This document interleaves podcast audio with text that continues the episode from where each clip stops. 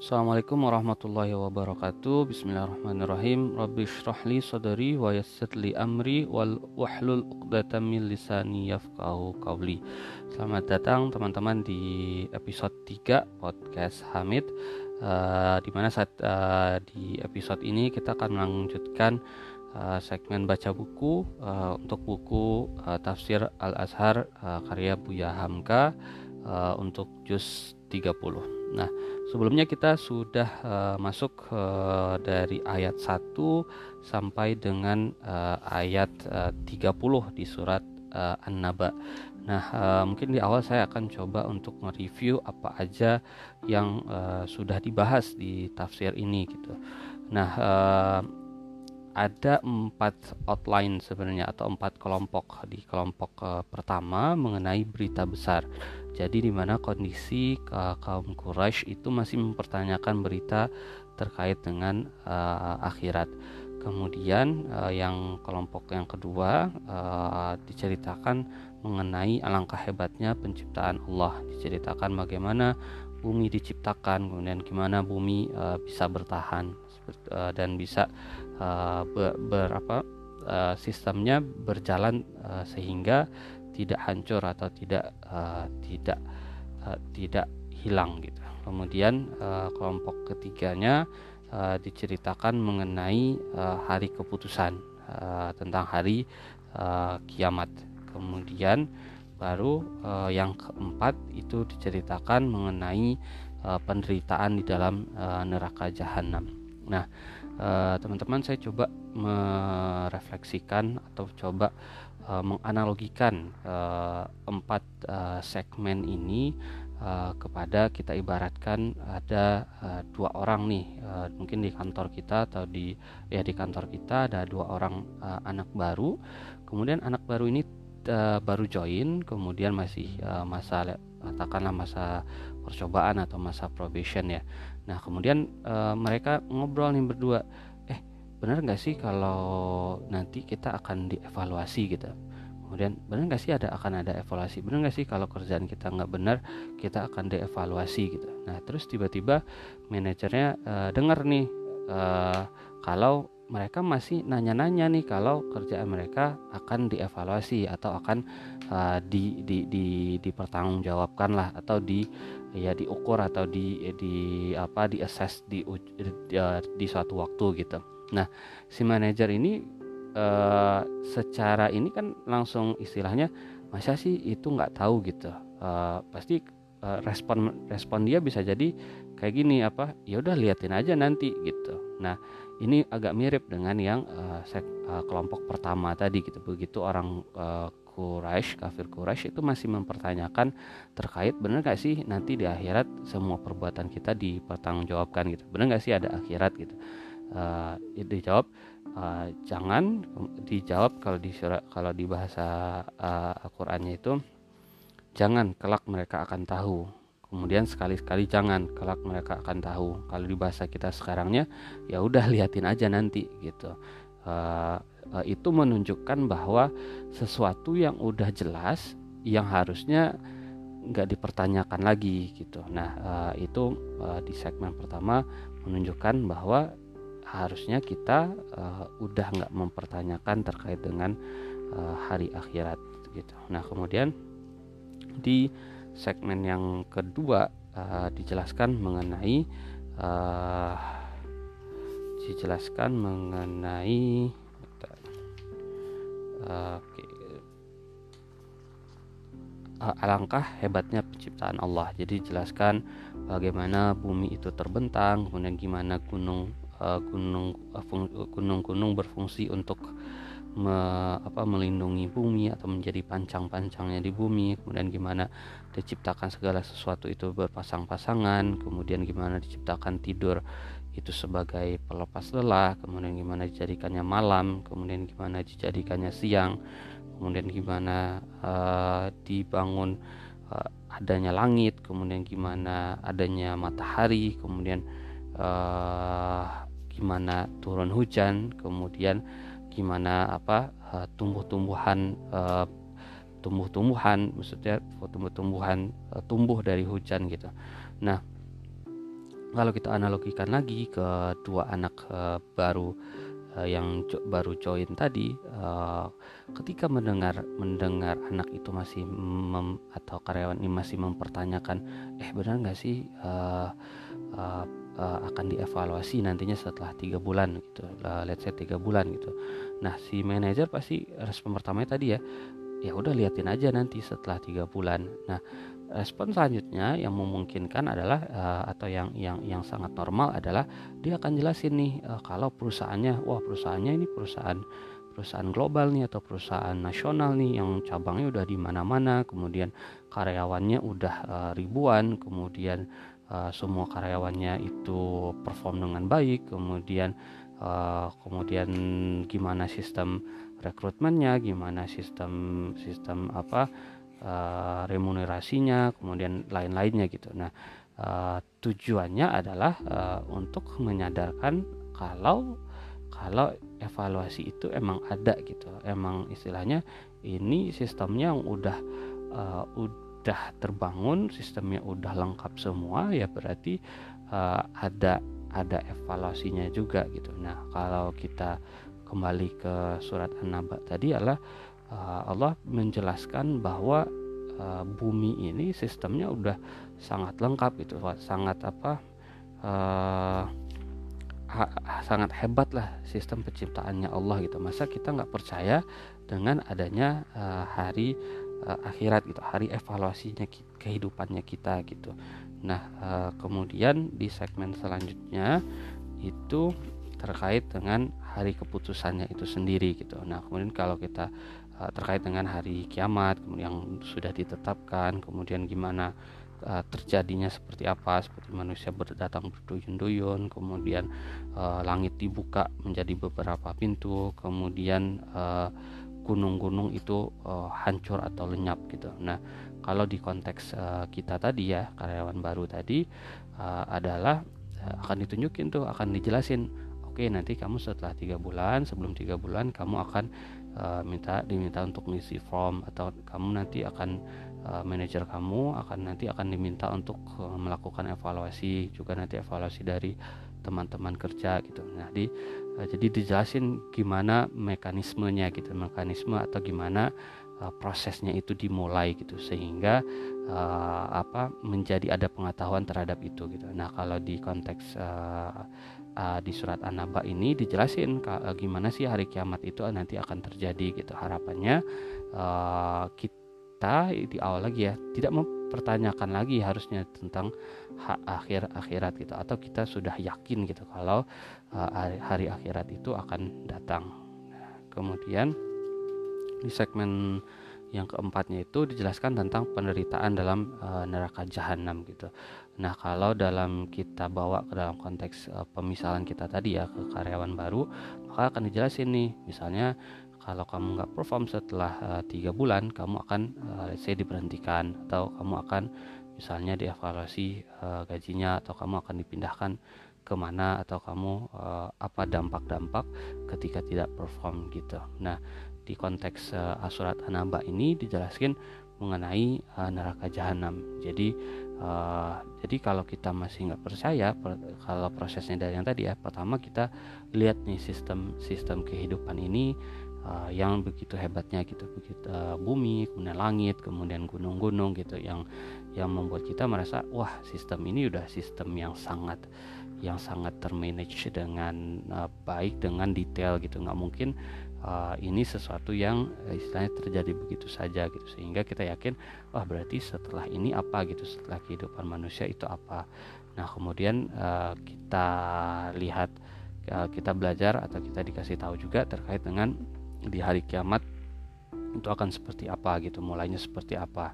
Itu juga memberikan kita gambaran bahwa uh, ist, uh, istilahnya sistemnya udah ada gitu prosedur untuk evaluasi kita itu udah udah udah ada gitu. Kemudian dijelaskan juga mengenai uh, neraka. Uh, mungkin ini juga terkait dengan istilahnya uh, nature-nya manusia itu pertama uh, istilahnya bisa tergerak dengan uh, rasa takut gitu kemudian uh, dengan rasa takut nah kemudian pada hari ini kita akan ngebahas uh, terkait uh, untuk segmen selanjutnya yang dimulai dari uh, ayat uh, 31. Uh, kita mulai.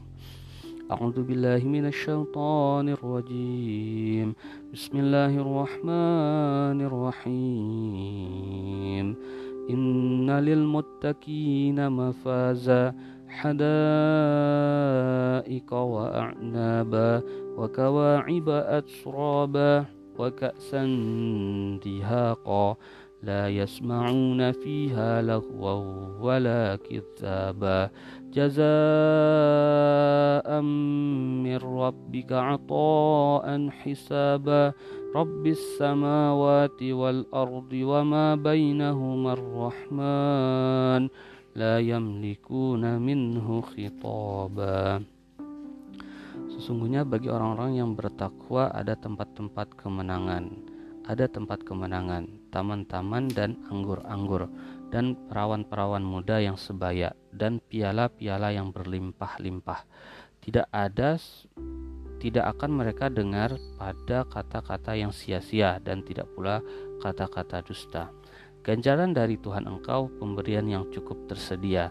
Tuhan dari sekalian, sekalian langit dan bumi dan apa yang ada di antara keduanya yang maha pemurah tidaklah mereka berkuasa berkata-kata kepadanya.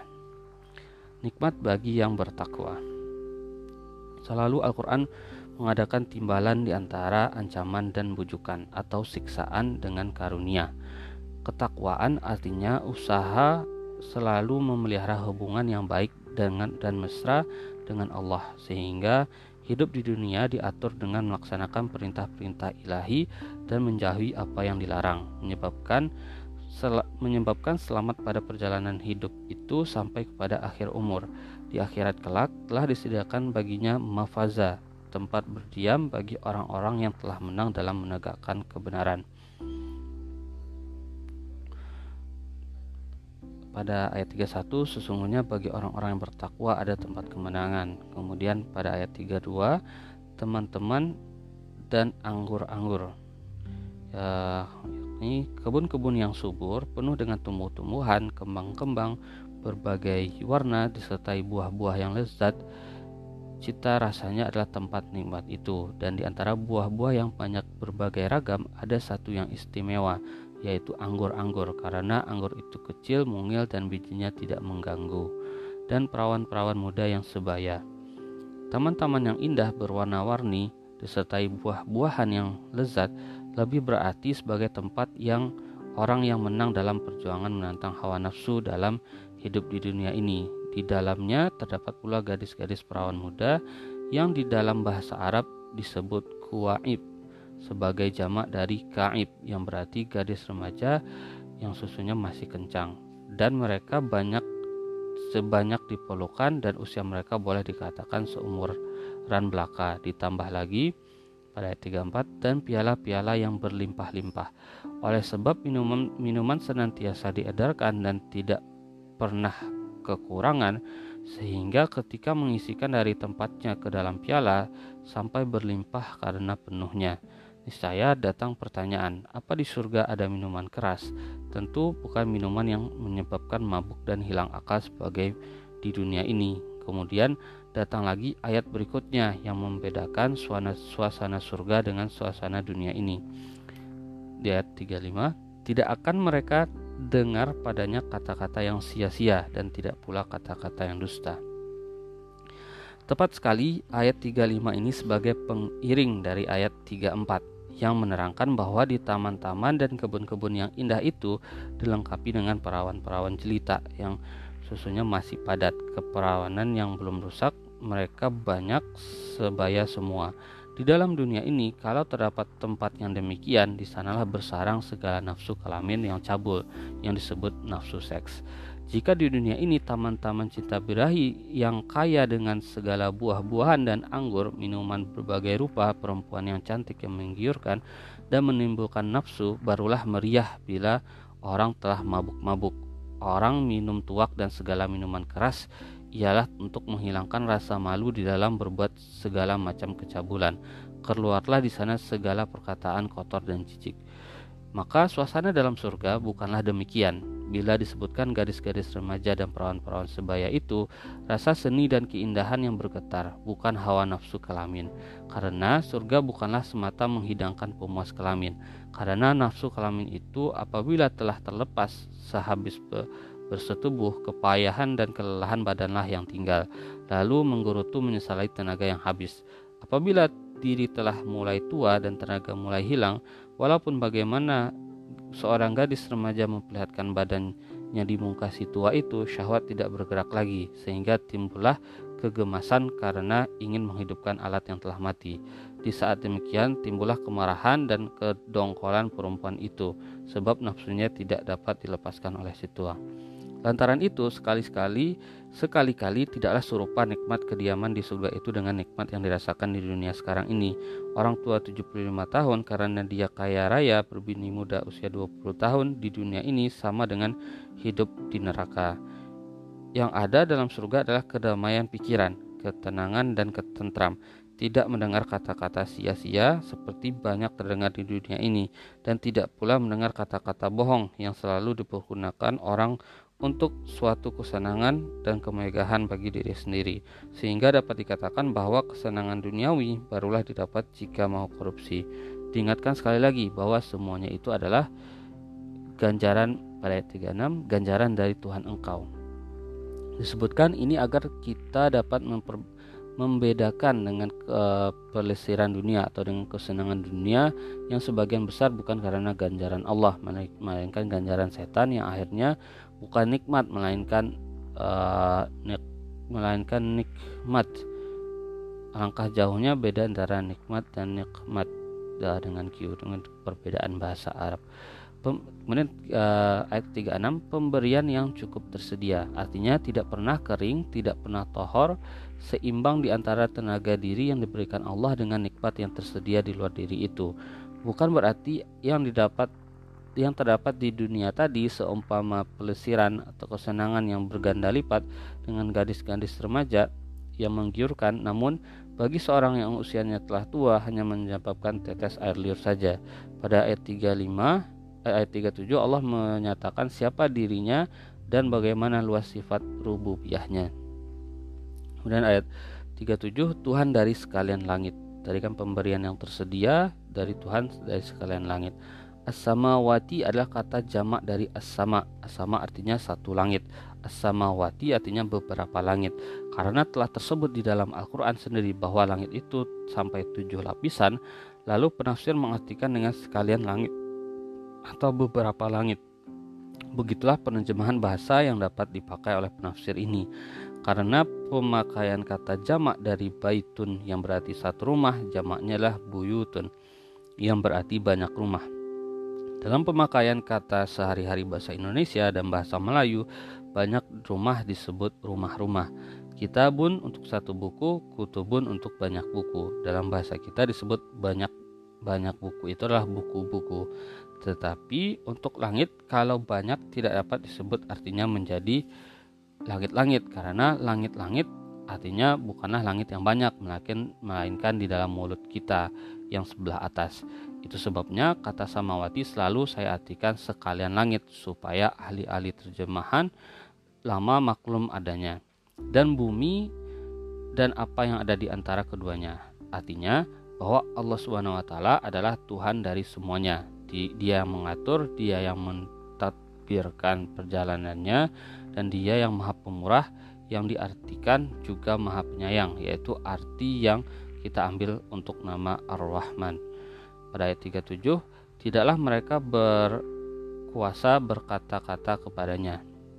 Artinya akan dirasakan betapa hebatnya kebesaran dan keagungan Allah Tuhan sekalian alam pada hari itu. Meskipun hari itu hari nikmat hari orang yang bertakwa akan hari orang yang bertakwa akan menerima ganjaran dan karunia ilahi. Meskipun bagaimana rasa gembira namun kebesaran ilahi itu menyebabkan tiada seorang jua pun yang sanggup bercakap. Mulut mulut tertutup semuanya ditambah lagi oleh rasa terharu yang telah menerima nikmat karunia-Nya yang tidak terpanai kemuliaan dan ketinggiannya. Kita lanjut ayat 38 يوم يقوم الروح والملائكة صفا لا يتكلمون إلا من أذن له الرحمن وقال صوابا ذلك اليوم الحق فمن شاء اتخذ إلى ربه مآبا إنا أنذرناكم عذابا قريبا يوم ينظر المرء ما قدمت يداه ويقول الكافر يا ليتني كنت ترابا Lalu diuraikan di dekat penutup surat betapa keadaan alam malakut atau kerajaan Allah dan kehebatan kekuasaan ilahi di saat itu kelak. Di ayat 38, di hari yang akan berdiri ruh dan malaikat berbaris-baris. Menurut tafsir Ibnu Jarir At-Tabari, yang dikatakan ruh dalam ayat ini adalah malaikat Jibril sendirinya, yang disebutkan juga Ruhul Kudus atau Ruhul Amin disebut dia terlebih dahulu lalu diikuti dengan menyebut malaikat-malaikat yang banyak. Semuanya berbaris menyatakan tunduk kepada Allah. Tidak ada yang bercakap-cakap kecuali siapa yang diizinkan kepadanya oleh Yang Maha Pemurah. Demikian hebatnya di ayat 37, orang yang bertakwa tak berani bercakap. Sekarang di ayat 38, ruh atau Jibril dan malaikat yang banyak pun diam semua. Kebesaran ilahi menyebabkan mulut terkunci. Padahal nama Allah yang disebut waktu itu adalah Ar-Rahman yang maha pemurah, yang maha penyayang. Uh, ujung ayat 38. Sedang dia adalah berkata yang benar.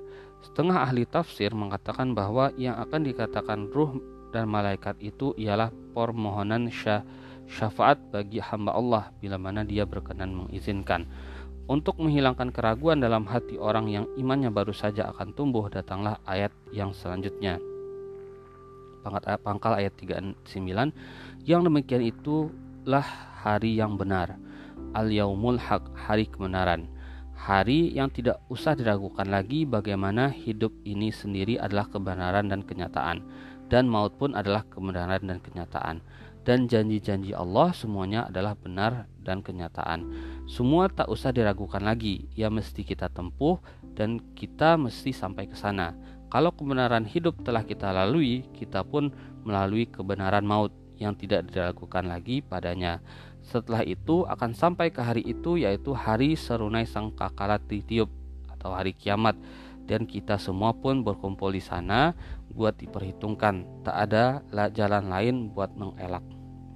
Ayat 39 ujung ayat 39 maka barang siapa yang mau dipilihnyalah kepada Tuhannya jalan kembali karena sudah pasti akan ke sana apalagi sikap yang akan kita ambil kalau memang ada kemauan karena waktu masih ada yaitu di hidup di dunia ini tempuhlah jalan itu dengan berani yaitu jalan Allah atau jalan kembali kembali kepada Allah karena pada hakikatnya semua makhluk yang atau semua anak Adam adalah datang ke dunia ini kehendak Allah dan akan pulang kepadanya dengan panggilannya juga cuma ada manusia yang lupa lalai lengah sehingga waktunya habis dengan kealfaan atau kelupaan. Dengan dan dengan ayat ini kita disadarkan dengan halus oleh Allah. Barang siapa yang mau, marilah kembali ke jalan Allah. Allah masih menerima kedatangan kembali hamba-hambanya yang lengah dan alfa itu.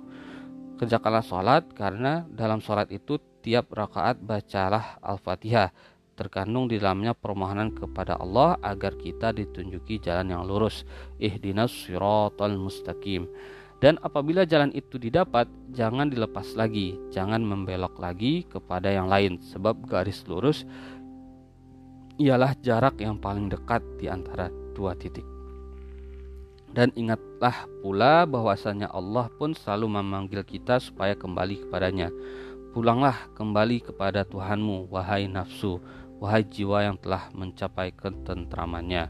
Allah ingin sekali agar kamu datang berkumpul bersama hamba-hamba Allah yang sama-sama kembali dan Allah ingin sekali agar semua hambanya kembali ke dalam surga yang telah disediakannya seperti tersebut dalam ayat terakhir dari surat Al-Fajr. Kemudian kita masuk ke ayat 40. Sesungguhnya telah kami ancam kamu sekalian dalam azab yang telah dekat. Artinya sebelum menghadapi hari perhitungan atau hari kiamat itu, ada hari lebih dekat lagi pasti kamu pasti kamu temui dalam masa yang tidak lama lagi. Hari itu ialah hari bercerai dengan dunia fana ini, hari ketika malaikat maut mengambil nyawamu. Di hari yang seorang akan memandang apa yang telah dikerjakan oleh kedua tangannya. Setelah nyawa bercerai dengan badan, maka ber, maka lepaslah nyawa itu dari sangkarnya dan bebaslah dia dari selubung hidup fana, fana ini. Maka mulailah kelihatan jelas hari-hari dan masa-masa dan masa lampau yang telah dilalui. Segala perbuatan yang pernah diamalkan di sini, buruknya dan baiknya, bekas perbuatan tangan sendiri, semuanya kelihatan. Berbesar hati melihat bekas yang baik, pemuram durja melihat catatan yang buruk. Manusia mungkin lupa, namun dalam catatan Allah setitik pun tidak ada hilang dan sebaris pun tidak yang tidak tiada yang lupa. Dan akan berkata orang yang kafir, yaitu orang yang dikala hidupnya hanya menolak mentah-mentah seruan Rasul. Dia melihat daftar dosa yang dia kerjakan, kemudian dia berkata di ayat 40, eh, alangkah baiknya kalau dahulu aku hanya tanah saja. Timbullah sesal dan keluhan pada saat uh, sesal dan keluh tidak ada gunanya lagi. Kalau aku dahulunya hanya tanah saja, kalau aku dahulunya tidak sampai jadi manusia, tidak tentu tidak tercatat dalam daftar kehidupan. Tidaklah akan begini tekanan yang aku, yang aku rasakan di dalam alam barzakh. Tidaklah akan begini tekanan yang aku rasakan di padang masyar sesal yang tidak ada gunanya uh, selesai uh, surat an-naba. Uh, jadi kalau kita recap lagi uh, di surat an-naba pertama Allah uh, menceritakan mengenai kondisi uh, sekelompok kaum yang masih mempertanyakan akhirat. Jadi uh, ada nasihat ketika kita membaca Al-Quran kita bayangkan ke diri kita sendiri ya. Seolah-olah Allah berbicara ke diri kita sendiri. Nah kita bayangkan uh, masih ada nggak sih uh, di dalam diri kita keraguan terhadap uh, akhirat uh, istilahnya mempertanyakan atau meragukan uh, terkait dengan ada atau tidaknya akhirat nah kemudian uh, Allah menjelaskan uh, setelah di uh, menjelaskan mengenai alangkah hebatnya penciptaan Allah. Jadi ketika kita ada keraguan dalam diri kita terkait dengan hari akhirat, kita lihat uh, sekeliling kita gitu, kita lihat uh, penciptaan bumi, kemudian penciptaan manusia, alangkah hebatnya penciptaan manusia, sistem tubuh manusia, kemudian sistem uh, bumi, sistem uh, antariksa, uh, sistem tata surya dan sebagainya gitu. Itu membuat kita uh, makin uh, membuat kita menumbuhkan keyakinan dalam diri kita bahwa seluruh uh, bagian kehidupan kita kita ini adalah uh, bagian dari sistem yang uh, sistem yang sangat hebat gitu sehingga uh, tumbuh keyakinan kalau akan ada uh, akan ada kelanjutan dari kehidupan ini. Nah, kemudian uh, dijelaskan uh, mengenai uh, hari akhir dijelaskan mengenai hari keputusan atau hari akhir. Jadi kita diberikan overview atau apa atau penjelasan singkat uh, mengenai hari akhir itu akan seperti apa. Uh, sehingga kita uh, uh, saya kalau saya merasa di sini Allah benar-benar melihatkan uh, apa ya istilahnya ini loh gitu udah ada ya sistemnya udah ada prosedurnya udah ada gitu. Sehingga uh, itu menambah lagi keyakinan kita kalau uh, di akhirat itu nantinya akan ada uh, uh, kita akan dihisap gitu. Atau akhirat itu sendiri ada gitu. Kemudian uh, selanjutnya dijelaskan mengenai uh, penderitaan dalam uh, neraka jahanam ini untuk membuat kita tergerak gitu kalau kita di kehidupan kita ini nggak berbuat baik atau malah berbuat maksiat atau berbuat yang dilarang Allah maka neraka atau ganjaran yang akan kita terima itu udah siap untuk untuk udah siap menanti gitu. Nah kemudian dijelaskan di uh, kemudian dijelaskan juga uh, nikmat surga bagi yang bertakwa. Jadi juga dijelaskan bagi orang-orang yang bertakwa, bagi orang-orang yang menjalankan perintah Allah, dijelaskan juga apa ganjaran yang akan mereka terima gitu. Uh, dijelaskan mengenai gimana sih suasana di surga kemudian gimana suasana di surga sehingga kita makin mendapat gambaran yang jelas mengenai surga itu seperti apa neraka itu seperti apa gitu sehingga begitu kita yang seperti kita bahas sebelumnya semakin kita jelas bisa melihat uh, apa tujuan akhir kita maka akan semakin baik kita dalam uh, persiapannya atau semakin semangat kita dalam mempersiapkannya. Nah kemudian uh, uh, di bagian terakhir jelaskan lagi suasana uh, suasana ketika uh, apa suasana ketika persidangan atau ketika uh, di akhirat itu dijelaskan mengenai uh, gimana semua orang semua terdiam kemudian gimana malaikat uh, gimana ada malaikat uh, yang apa yang berdiri kemudian berbaris-baris gitu. Jadi uh, ibarat uh, kalau kita, maksudnya kita bisa membayangkan suasana atau vibesnya di di akhir di hari, hari akhir itu seperti apa gitu uh, kemudian uh, ada satu percakapan apa ada satu uh, apa lontaran ya saya percakapan atau uh, komen dari orang-orang uh, yang kafir gitu. Apa alangkah baiknya kalau dahulu aku hanya seorang apa hanya tanah gitu. Ada saya kita gambarkan ketika di akhirat malaikat berbaris baris berbaris gitu. Banyak ada malaikat Jibril dan malaikat lainnya. Kemudian uh, kemudian ada satu orang nih yang uh, yang mengungkapkan rasa sesalnya dia kalau uh, baik apa kalau dia menyesal selama di dunia nggak uh, berusaha atau nggak uh, bertakwa sehingga dia merasa ya mending dulu di dunia jadi tanah aja gitu sehingga sehingga nggak nggak nggak mendapatkan ganjaran yang uh, ganjaran neraka di hari akhiratnya. Oke, uh, kita udah selesai surat An-Naba. Alhamdulillah alamin kita tutup uh, ses, uh, yang episode ketiga ini doa doa kafaratul majelis subhanakallahumma bihamdika asyhadu alla ilaha illa anta astaghfiruka wa atubu ilaik.